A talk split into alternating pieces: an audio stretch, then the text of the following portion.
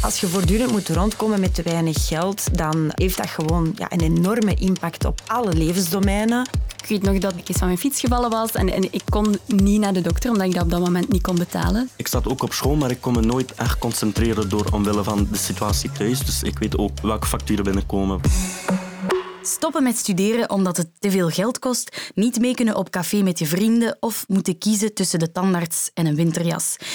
Eén op de acht Vlamingen staat dagelijks voor zo'n moeilijke keuzes en leeft in kansarmoede. Hoe kom je in zo'n situatie terecht? En vooral, hoe geraak je eruit?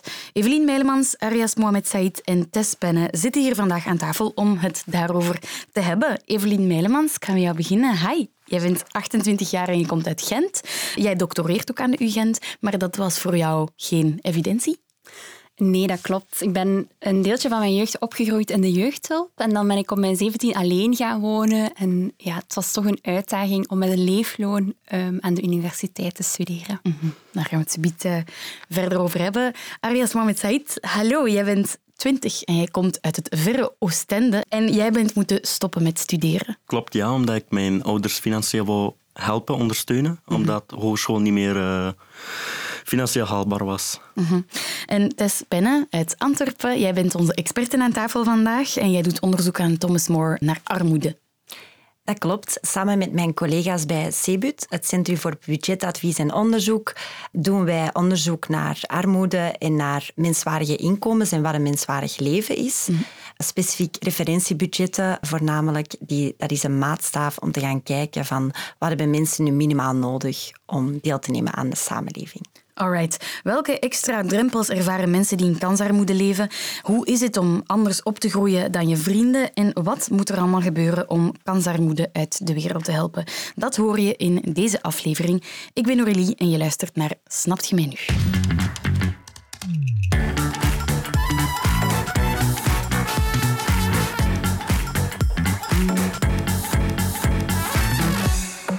Ik wil eerst eens jullie verhaal horen. Ik zal beginnen bij Evelien. Waarom zit jij hier? Waarom zit ik hier? Um... Vraag. Ja. Nee, omdat ik het wel belangrijk vind om over ja, kansarmoede te spreken. En ja, omdat ik dat toch een stukje ervaren heb. Ook al ja, dacht ik dat op dat moment zelf misschien niet. Maar uh, zoals ik al zei, ben ik dus op mijn 17 alleen gaan wonen. Ik kwam vanuit de jeugdhulp en dan ja, krijg je een leefloon. Dat is een, dat is een heel beperkt inkomen waarmee dat je het moet redden.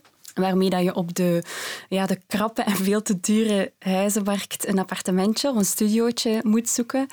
Ja, dat dus in mijn geval ook vol schimmel was het eerste en, en muizen. En ja, dat is allemaal niet in orde. Met hoeveel moest je het doen?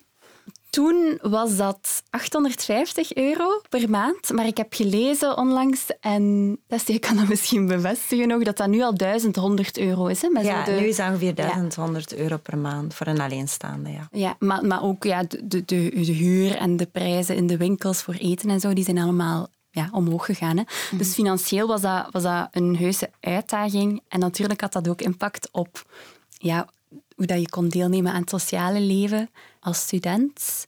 Op, ja, ik kon niet vaak mee op café of naar feestjes, om, omdat je dat... Ja, moest allemaal heel goed budgetteren natuurlijk. En ook, ik weet nog dat bijvoorbeeld dat ik eens van mijn fiets gevallen was en, ik, ik kon ja, niet naar de dokter, omdat ik dat op dat moment niet kon betalen. Dus dat is dan een maand... Allee, we wachten tot als de maand over is, dat als je nieuw budget krijgt. Dus dat zijn zo van die dingen. Hè. Uh, drie dagen per week bonen met rijst eten, om, om, omdat dat het enige is dat je op dat moment kan betalen en omdat dat mij wel voedzaam leek. Ik kan wel goed kruiden daardoor.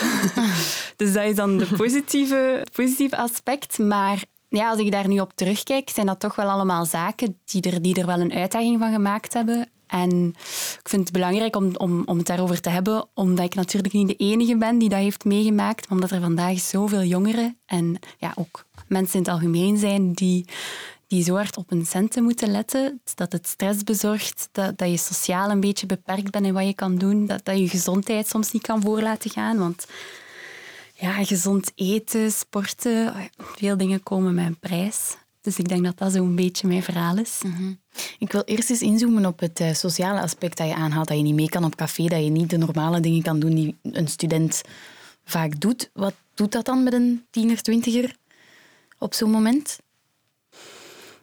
Ja, of ik heb mij daar, daar zelf wel altijd zo'n beetje tegen beschermd of voor beschermd door te zeggen dat ik dat niet tof vond of zo, of dat dat toch niets voor mij was, door uh, activiteiten te zoeken die, die niet betalend waren en, en daar ja, voluit voor te gaan. Maar soms is dat wel beu, hè?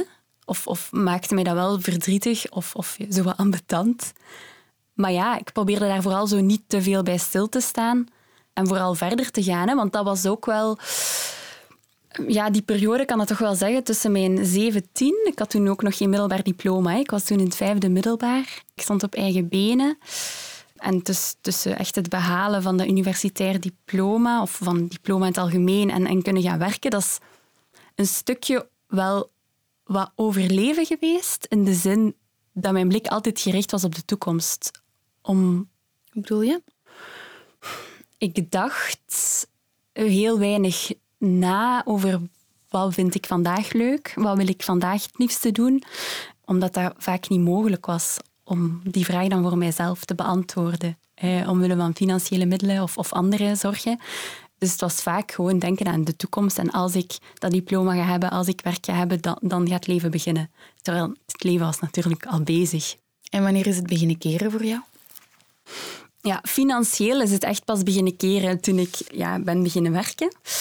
Maar ja, zo sociaal en emotioneel was dat zelfs al een beetje toen ik begon te studeren, omdat ik wel merkte dat mensen toen anders naar mij begonnen kijken. Zelfs vrienden en familie.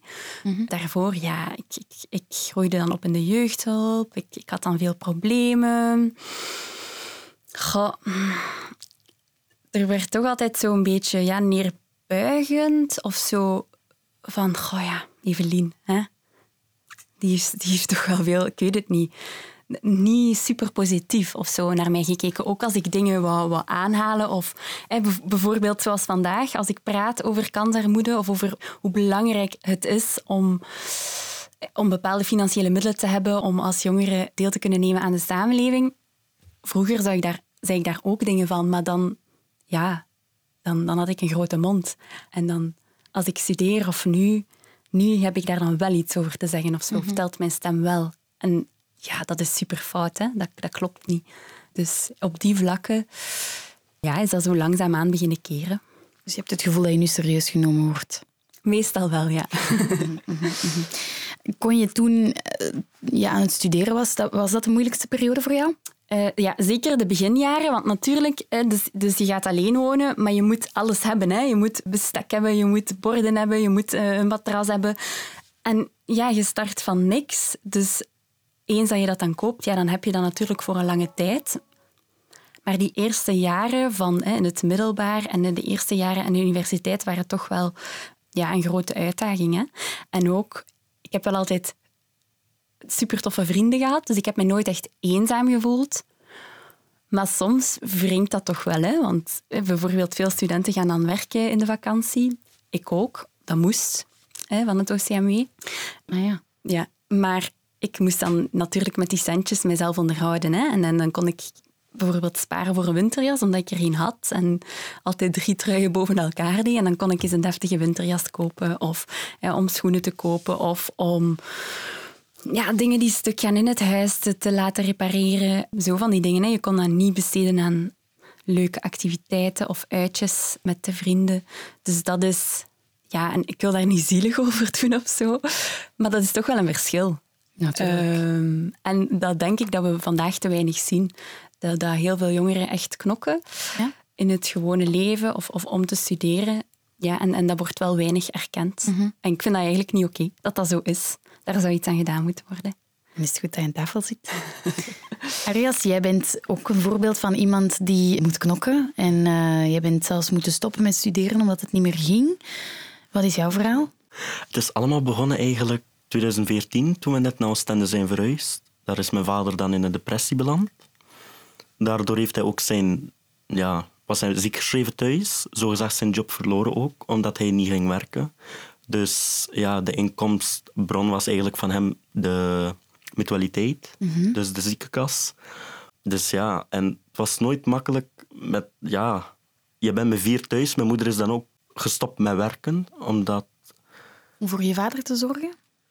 Dat ook, maar hij was de meeste tijd ook in het ziekenhuis. Dus ja, ik kwam van school, mijn rugzak neergelegd, eten gebracht naar hem, omdat hij niet lustte wat in het ziekenhuis was. Hij had zijn eigen wensen. Wat ik ook helemaal versta als je daar een half jaar zit in het ziekenhuis. Je bent dat eten ook een keer kotsbeu. Ik ben dat ook beu na een operatie. Dus, dus ja, zijn kleren meegepakt, zijn vuilen, zijn schone was gebracht. En Jij moest dat allemaal doen. Jij moest Ja. dan voor jouw papa zorgen. Klopt, ja. Dus ik moest voor mijn vader zorgen, ook voor mijn broer. Hij was net in de puberteit binnengekomen. Dus Met, met hoeveel geld moesten jullie het doen op het moment dat je eh, papa per ziek maand. Dus ja, de uitgaven van mijn vader aan de kant gelegd. Dus van medicatie Mhm. en al. Moesten we het doen met 1600 euro per maand. Voor hoeveel personen? Vier. Voor vier personen. Voor vier personen. Dus alleen met de elektriciteit, met gas. Oké, toen die- destijds was het niet zo duur. Maar toch, allee, het is nog steeds een groot ding van je budget. Plus huur, plus andere uitgaven die je hebt.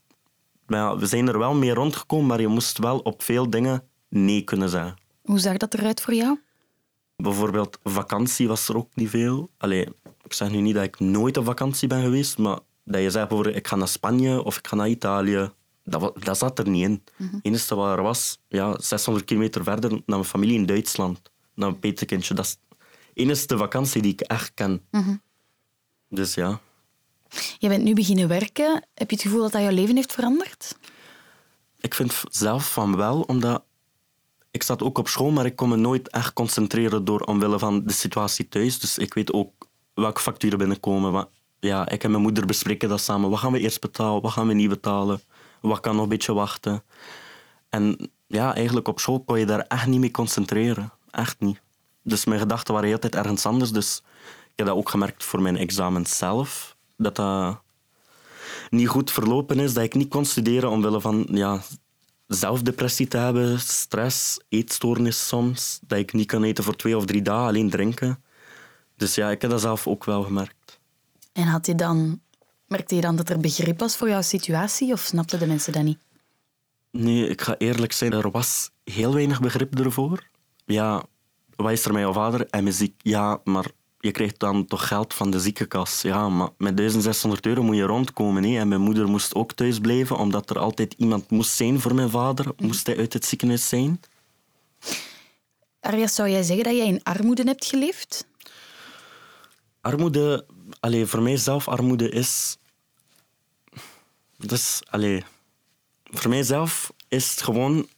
Als ik het dak boven mijn hoofd heb en ik eet twee keer per dag, dan is dat voor mij geen armoede. Voor mij, ja, armoede zelf is bijvoorbeeld. Nu niet dat ik zeg, oh, ik kan de nieuwste telefoon niet hebben, oh, ik kan dat niet hebben. Voor mij is dat eerder gewoon ja, zo herinneringen te maken met familie eerder. Dus ja, die herinneringen zijn er nooit geweest met mijn vader eigenlijk. Dus ja, dat is eigenlijk voor mij meer de armoede die ik zie. Ik weet wel dat we het moeilijk hadden altijd. Bijvoorbeeld, ja, familie uitstappen, dat konden we ook niet doen omwille van het geld. Ja. Het enige wat ik kon doen is door een winkelstraat lopen. En dat was allee, dat, En niet binnengaan. niet binnengaan. Allee, als je iets wou kopen, dan was dat altijd in de solde, dus altijd in de winter.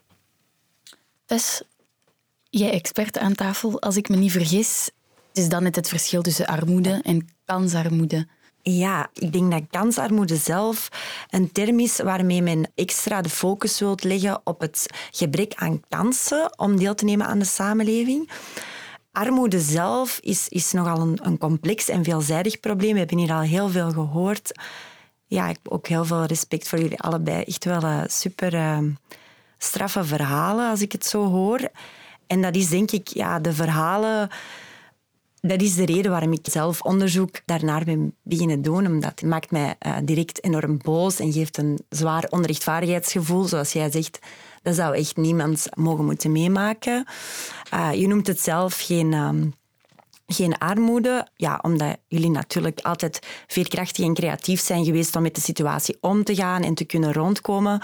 Maar eigenlijk hebben jullie wel een gebrek aan middelen gehad om te kunnen deelnemen aan de samenleving. En dat is hoe dat wij armoede definiëren. Wat is precies deftig deelnemen aan de samenleving? Heb je daar criteria voor of zo? Ja, in onze onderzoeksgroep noemen wij een mens een menswaardig leven, omdat dat nogal een vaag begrip is. Van wat, wat betekent dat juist, menswaardig leven? Zo, het begrip menswaardigheid is iets dat heel veel terugkomt. Van iedereen heeft het recht hè, om een menswaardig leven te leiden. Maar ja, wat betekent dat dan net? En dat zijn eigenlijk twee universele noden, gezondheid en autonomie. En dan zijn er allemaal ja, tussennoden, wij noemen dat intermediaire noden, zoals een kwaliteitsvolle huisvesting, een goede gezondheidszorg, gezonde voeding, ja, alle dingen die ik hier ook al heb gehoord, kleding, maar ook het kunnen onderhouden van uw sociale relaties, ontspanning, waarbij ook behoort eens een keer per jaar op vakantie kunnen gaan. Hè. Dat hoeft dan niet in het buitenland te zijn, maar toch. Hè.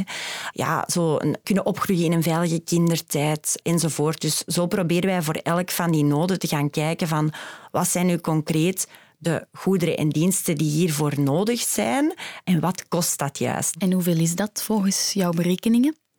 Voor een alleenstaande die een private woning huurt, gaat dat over 1529 euro per maand. En hoeveel is de uitkering nu voor iemand? Voor een leefloon ligt daar dus sterk onder. Dat is 1115 euro per maand, zoals we er juist zeiden. Dus eigenlijk, en dat moet je ook weten, het is ook belangrijk dat referentiebudget van 1529 euro per maand, dat is echt opgesteld als een absoluut minimum waarbij mensen in goede gezondheid zijn, dus geen gezondheidsproblemen hebben, waarbij er mhm. dus extra uitgaven komen kijken, ja, geen zware verrassingen uit de hoek komen, mensen competent met hun budget kunnen omgaan, in een kwaliteitsvolle huisvesting wonen, dus goed geïsoleerd, dus allez, zo van die zaken.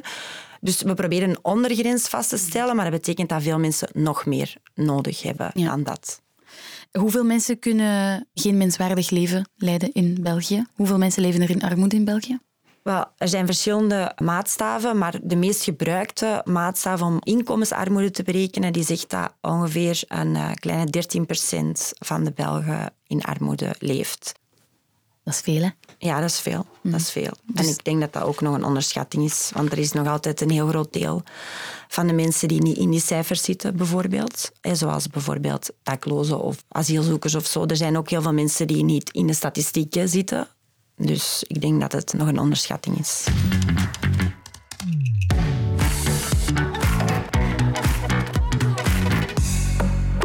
Een op de vijf kinderen groeit op in armoede en heel veel daarvan belanden ook in de jeugdzorg of komen daarmee in aanraking. Evelien, je haalde het zelf aan. Jij bent ook op jouw dertiende in de jeugdzorg beland. Hoe zag dat eruit? Wat moet ik mij daarbij voorstellen? Ja, jeugdzorg of... of ik heb het nu over residentiële voorzieningen. Dat wil zeggen dat je daar woont. Dus dan, dan woon je eigenlijk samen met jongeren die allemaal om een of andere reden dus niet thuis of niet voltijds thuis kunnen wonen. En dan vervangt zo'n voorziening eigenlijk je huis. Hè. Vaak leven jongeren dan in leefgroepen met zo'n 10, 12 jongeren en, en twee begeleiders aanwezig of zo. Ja, dus dat is de jeugdhulp. En ja, natuurlijk veel, veel jongeren uh, toen ik in de jeugdhulp opgroeide, maar, maar ook vandaag, die, die werken naar heel snel zelfstandig worden. Want jeugdhulp, ja, het woord jeugd uh, zegt het zelf, dat stopt hè, als je niet meer uh, jeugd wordt gezien. Dus heel veel jongeren ja, gaan echt wel alleen wonen op een 17, 18, 19, 20 jaar. En dat, dat is een hele uitdaging. Hè? En je wordt daar niet altijd even goed in ondersteund. En ik denk, je ziet dat ook in de statistieken van daklozen. Een derde van de jongeren die dakloos zijn, hebben een ervaring in de jeugdhulp. Mm En dat is wel pijnlijk natuurlijk, want die jongeren hebben allemaal oh ja, ooit begeleiding gekregen, maar die begeleiding ja, was dan toch onvoldoende of, of de uitdagingen zijn toch te groot mhm. voor veel jongeren om te kunnen overbruggen. Ja. En heb jij het gevoel dat jij goed bent voorbereid op het moment dat je op eigen benen moest staan?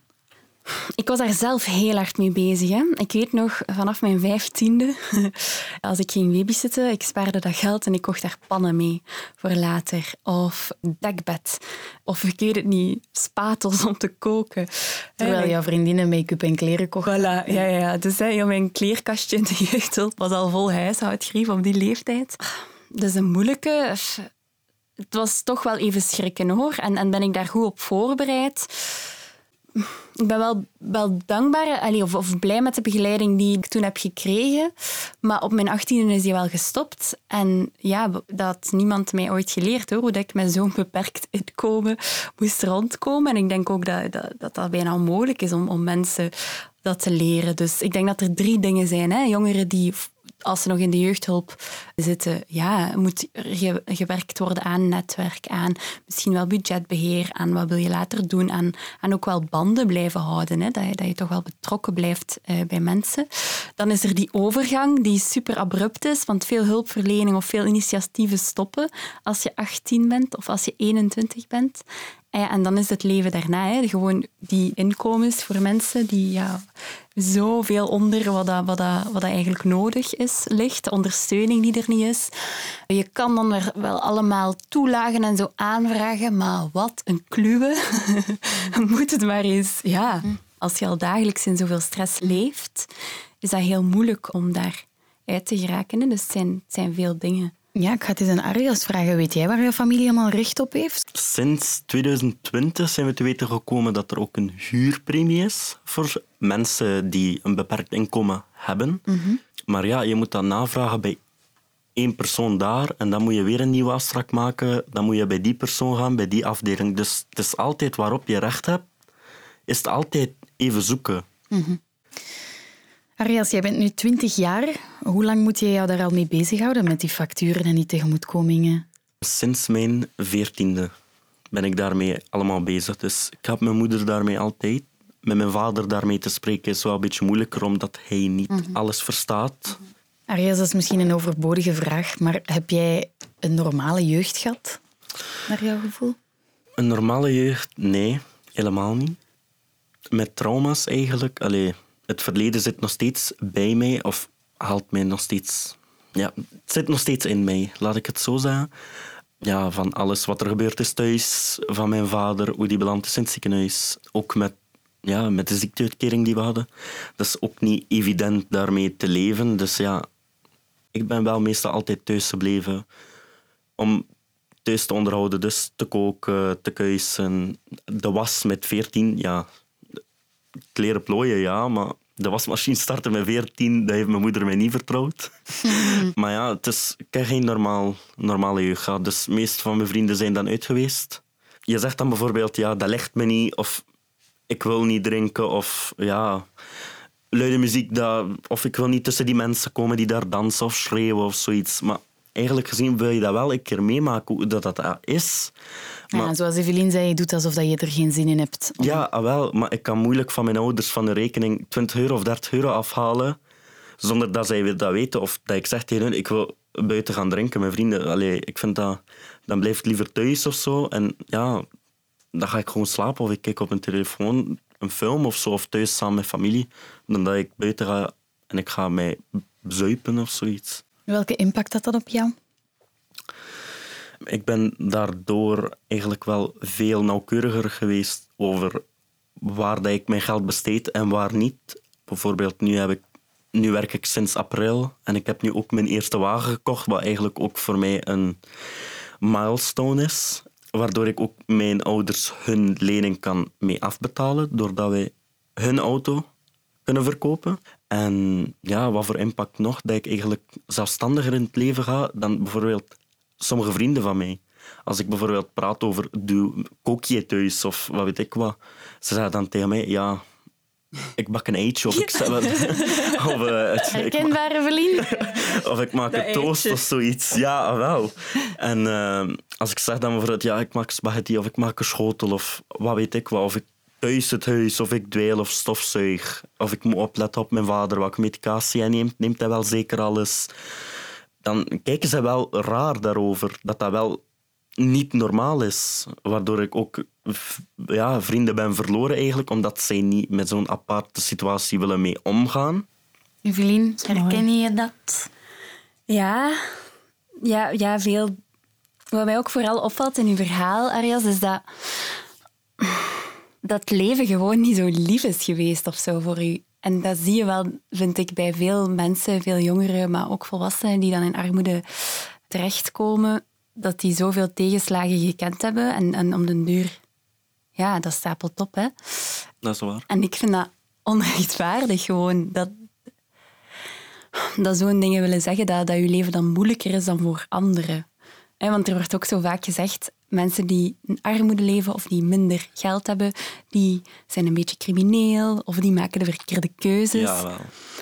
Ja, hè? maar Ja, ik weet het, ja. je hebt gewoon geen... Als ik je hoor, dan heb je toch weinig ruimte gehad om een keuze te maken. Dat is waar, ja, maar ik ga eerlijk zijn, ik heb altijd mijn moeder aan mijn kant gehad. Oké, Ja. er waren altijd wel een keer discussie of een ruzie of zoiets, omdat ja, die situatie, dat geeft jou extra stress, hè. Ehm, maar veel ruimte heb je eigenlijk niet gehad, nee. Ook bijvoorbeeld, sommige mensen zeiden dan ook, waarom gaat jouw vader dan gewoon niet werken? Hij neemt, hij neemt zijn tabletten en dan is hij toch normaal. Maar zij zijn niet met hem 24-7. Je moet echt op hem opletten en alles. En het is niet dat als je een ziekteuitkering krijgt of een leefloon of iets, dat je lui bent om te gaan werken. Het is gewoon... Ja, sommige mensen zijn... Er is ook altijd een achterverhaal daarvan. Ja, mijn vader is ziek geworden. Niemand kon dat weten. Niemand kon dat vooraf zien dat dat ging gebeuren. Maar Ja. sommige mensen begrijpen dat niet. Het is super complex en ik heb wel het gevoel dat er zo weinig mensen weten hoe complex het is of, of dat, er, dat er zo weinig mogelijkheid is om rekening te houden met die complexiteit. En zeker als je dan hè, de, de, de overheid of de politici die dan beslissen hoe hoog de leeflonen zijn of wie wel of, of, of niet zo'n uitkering mag krijgen, als je die dan bezig hoort, dan, dan denk ik soms van mannen, in welke Ja. wereld leven jullie? Ze hebben geen idee. Ze hebben geen idee hoe complex het is, toch? Ja. Of, of ze willen het niet horen. Want inder- inderdaad, uw papa kan niet zomaar gaan werken. Ja, of, of- Wat moet er volgens jullie dan gebeuren? Tess, jij expert aan tafel, hoe zou jij het aanpakken? Of wat moet er volgens jou gebeuren? Ik zal het zo vragen. Ha, het is natuurlijk een, ehm, een complex probleem, dus het kan niet op 1, 2, 3 worden opgelost. En het kost ook veel geld om het op te lossen. Dus dat is al stap 1. Er moet echt gewoon heel veel in geïnvesteerd worden en het moet echt prioriteit worden, wat het nu niet is. Hè. Nee. Dus, en dat is superbelangrijk. En dan zou ik zeggen, als allereerste, sociale bescherming moet beter. Zoals het hier al gezegd is geweest, de uitkeringen liggen te laag om menswaardig te leven. Maar zelf de, de minimumlonen liggen vaak te laag hè, voor verschillende situaties. Laat dat mensen ook niet toe hè, om deel te nemen aan de samenleving. Zeker niet als mensen bijvoorbeeld deeltijds werken of zo.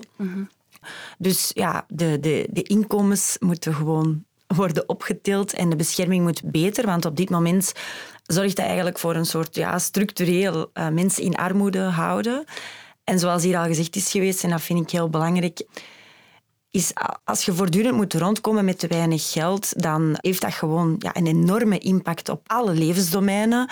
Het wordt door mensen in armoede soms als een spinnenweb omschreven waar je in verstrikt geraakt, omdat het ene effect heeft op het andere. Bijvoorbeeld, je hebt dan een... ehm, ja, door te weinig geld ga je in een slechtere huisvesting en zoals jij zei, minder kwaliteitsvolle huisvesting terechtkomen. Dat heeft dan een impact op je gezondheid bijvoorbeeld. Maar je gaat je gezondheidszorg uitstellen omdat je te weinig geld hebt. En dat zorgt er dan voor dat je gezondheidsprobleem net erger wordt. Of je geraakt in de schulden. Of allee, op die manier lijkt het soms, het stapelt zich maar op en op. En het is ook echt een, een heel interessant onderzoek, vind ik zelf, dat zij echt hebben kunnen aantonen dat het hebben van te weinig geld, dat dat een impact heeft op je cognitief denkvermogen. Dus dat je echt zelf minder ja, op lange termijn kunt denken en zo, omdat je voortdurend stress hebt, omdat je ja, minder mentale ruimte hebt, eigenlijk, om het zo te zeggen, zit je eigenlijk ja, voortdurend gefocust op, op, op ja, te weinig geld, waardoor je net juist meer foute keuzes gaat maken. En van daardoor lijkt het soms voor een buitenstaander van, ja, dat iemand in armoede misschien een domme keuze maakt of zo. Terwijl iedereen dat zou doen als je constant met zo weinig geld zou moeten rondkomen. Dus ja, die stereotypen kunnen eigenlijk direct wel doorbroken worden. Dus buiten het, het, eh, het optrekken van de sociale bescherming, waar ik denk dat een van de belangrijkste is, is het ook wel belangrijk om te werken aan ja, betaalbare en toegankelijke diensten, hè, zoals bijvoorbeeld de gezondheidszorg of openbaar vervoer, al die dingen, kinderopvang enzovoort. Waardig, kwaliteitsvolle jobs, investeren in mensen, in, want er is een enorm gebrek aan, aan laaggeschoolde waardig werk voor mensen die, die laaggeschoold zijn. Ehm, ja. Zo van die ehm, inzamelacties en gewoon acties zoals de warmste week. Helpt dat? Evelien, ik zie jou glimlachen. Ja, ik heb het daar soms wel een beetje moeilijk mee. Helpt dat? Ja, dat zal zeker wel geld in, in bepaalde laadjes brengen. En er zijn heel veel organisaties die op vrijwillige basis en op een basis van liefdadigheid enorm mooie dingen doen voor mensen. En, en ja, dat is sterk, dat is, dat is chic, dat is straf. Maar dat is liefdadigheid. En als persoon in armoede moet je een beetje afhangen van toeval of geluk dat die liefdadigheid dan naar u komt. En dat vind ik het foute daaraan. Allee, we leven in, in België, een superrijk land. We doen het op zoveel vlakken goed. Maar het recht op een menswaardig bestaan realiseren, dat, dat lukt niet. Dat is geen prioriteit, blijkbaar. Voor andere dingen is er geld, maar voor dit niet. Dus? Ja, en het is echt een mensenrecht. Hè. Dus het is echt gewoon, armoede is echt gewoon een schending van de, van de mensenrechten. Ja. Hè. Dus, Het staat ook in onze grondwet, hè? ja, het staat ook in onze grondwet. Eh, dus inderdaad, eh, de warmste week zal het niet oplossen. Soms kan het voor mensen sowieso, voor individuen, een verschil maken. Maar zoals je zei, dat is dan een beetje... eh, dan moet je chance hebben dat jij dan net degene zij. En ja, dat zorgt niet voor een gelijkwaardige behandeling tussen alle mensen die allemaal hulp verdienen. Op lang, lange termijn ook. Hè. Want om echt op lange termijn uit de armoede te geraken, ja, heb je gewoon echt, dat kun je niet zomaar. Daar is gewoon echt veel hulp voor nodig. Evelien, Arias, hoe zien jullie de toekomst? Op dit moment zie ik de toekomst positief. Ik heb mijn eerste milestone al bereikt, mijn eigen water te kopen. Nu, Proficiat. dankjewel. ik probeer nu ook alleen te gaan wonen, waardoor ook de kansen voor mijn ouders voor een sociale woning zouden omhoog gaan, omdat ze dan pas maar twee slaapkamers nodig hebben in plaats van drie. Omdat er ook in de stad waar ik woon, Oostende, ook een tekort aan is aan drie slaapkamerappartementen, nieuwbouw of eender wat. Dus ja, de focus ligt nu erop een beetje meer te sparen, om dan alleen te gaan wonen. Dus ja. En bij jou, Evelien? Ja, ja, ik zie het ook wel zitten. Ik heb een goede job, die wordt gewaardeerd. En ja, ik heb, een- ik heb een toffe vriend. En ja, voor mij persoonlijk ja, zie ik het zitten en ziet, ziet het leven er wel rooskleurig uit, zodat ze zeggen. En ja, ik hoop gewoon dat dat voor veel meer mensen op die manier kan groeien. Hè? Ik hoop dat jullie verhalen eh, daar toch een beetje be- hebben toe bijgedragen. Dank jullie wel om jullie verhaal te delen, Evelien en Arias. En dank je wel, Tess, om alles te komen duiden. Merci. Waar probeer jij jouw vrienden van te overtuigen? Waar lig jij s'nachts van wakker? Stuur me al jouw ideeën door via de Instagram-pagina van VRT Nieuws of stuur me een berichtje op Twitter via Aurélie-Boffé. En misschien ben jij wel te gast in mijn volgende aflevering.